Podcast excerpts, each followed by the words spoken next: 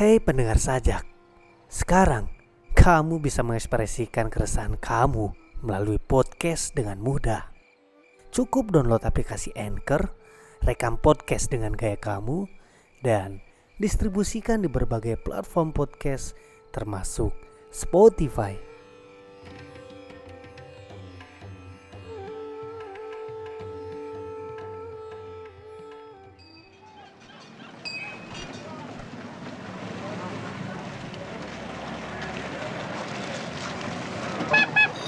Suatu sore di Jakarta, tahun 1960-an.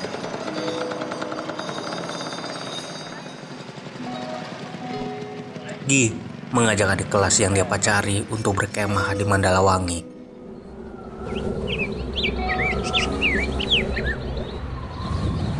Yaitu sebuah lembah di bawah puncak gunung Pangrango bersama teman-temannya yang lain.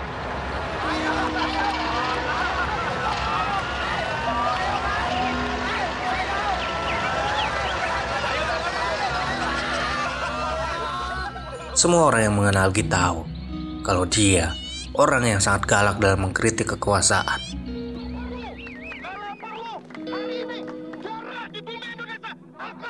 Bahkan bisa dibilang nekat.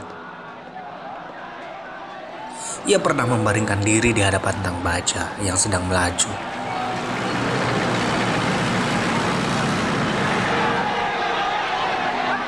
Dalam suatu demonstrasi menentang Presiden Soekarno. Namun urusan cinta, Gi berbanding terbalik. Hanya teman-teman dekatnya yang tahu kalau Gi adalah seorang pemalu dan agak puritan.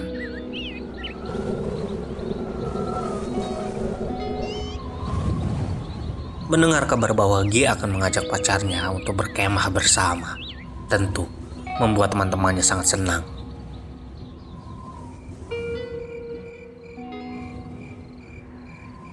Mereka semua mengkondisikan agar Gi bisa terus berdua-duaan dengan pacarnya.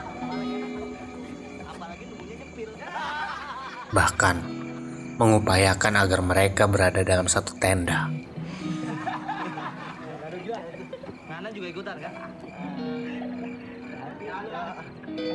Malam pun semakin larut dan Gi benar-benar tidur berdua dalam satu tenda dengan pacarnya.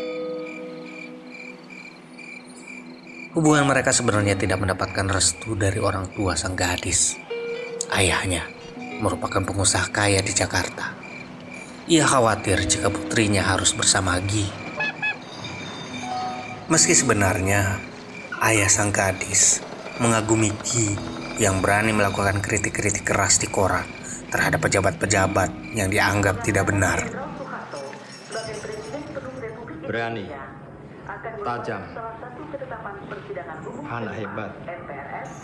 Namun, dia menolak jika anak gadisnya harus bersama Gi berhadapan dengan resiko yang besar. Orang hanya membutuhkan keberanian saya tanpa mau terlibat dengan diri saya.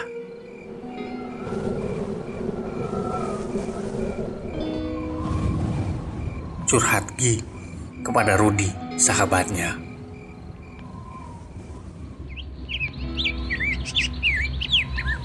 Pagi hari di perkemahan, Rudi tersenyum nakal, menghampiri Gi dan menanyakan apa yang dilakukannya bersama pacar selama tidur di tenda tadi malam. Enggak ada, saya nggak melakukan apa pun selain tidur. Jawab Gi. Jadi nggak ngapa-ngapain dia? Dicium gitu? Tanya Rudi dalam nada kaget. Ya enggak lah, saya aja tidurnya agak jauh-jauhan dari dia.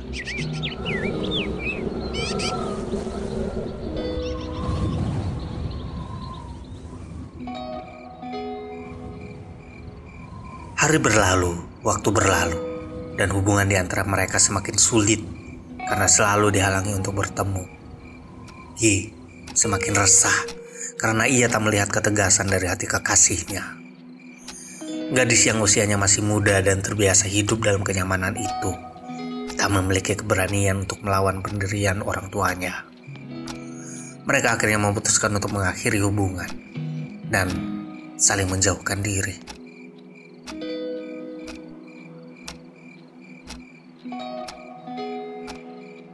Gi memang tak pernah menceritakan apa pun, tapi sahabat-sahabatnya tahu kalau dia sangat bersedih.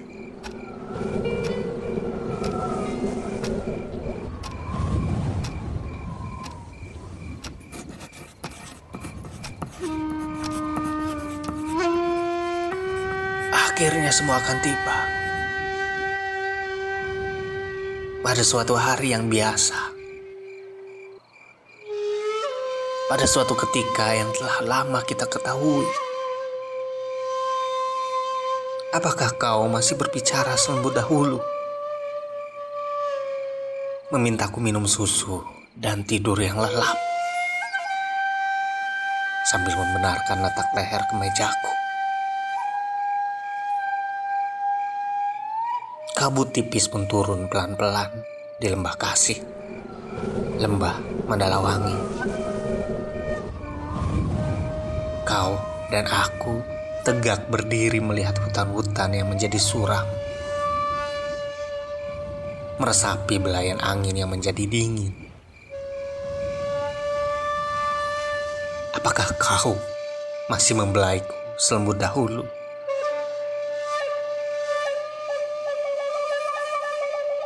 Ketika ku dekap kau, dekaplah lebih mesra.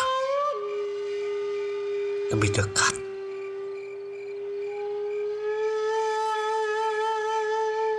Lampu-lampu berkelipan di Jakarta yang sepi. Kota kita berdua. Yang tua dan terlena dalam mimpinya. Kau dan aku berbicara tanpa kata, tanpa suara.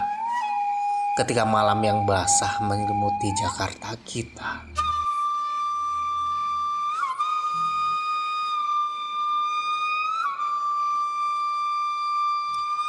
Apakah kau masih akan berkata, Ku dengar derap jantungmu.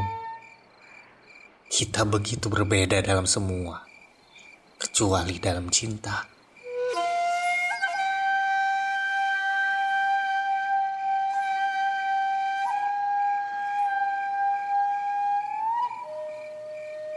Hari pun menjadi malam.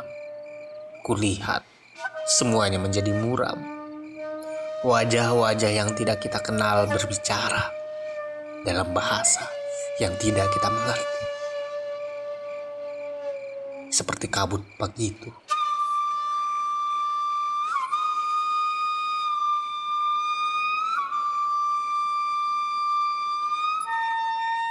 Manisku, aku akan jalan terus membawa kenangan-kenangan dan harapan-harapan bersama hidup yang begitu biru.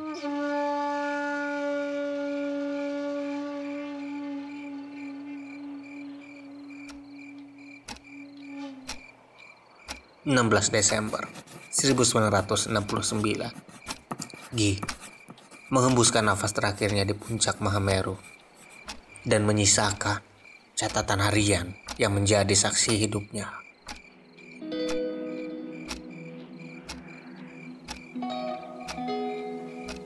Beberapa tahun kemudian, sang kekasih menikah dengan lelaki lain dan tinggal di luar negeri hingga sekarang.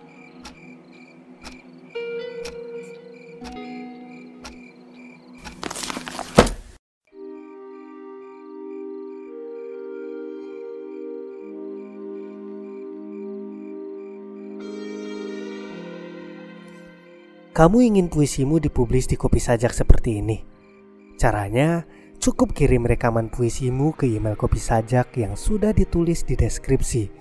Atau kamu bisa buat saluranmu sendiri dengan download aplikasi Anchor, lalu upload rekamanmu dan distribusikan ke berbagai platform podcast termasuk Spotify.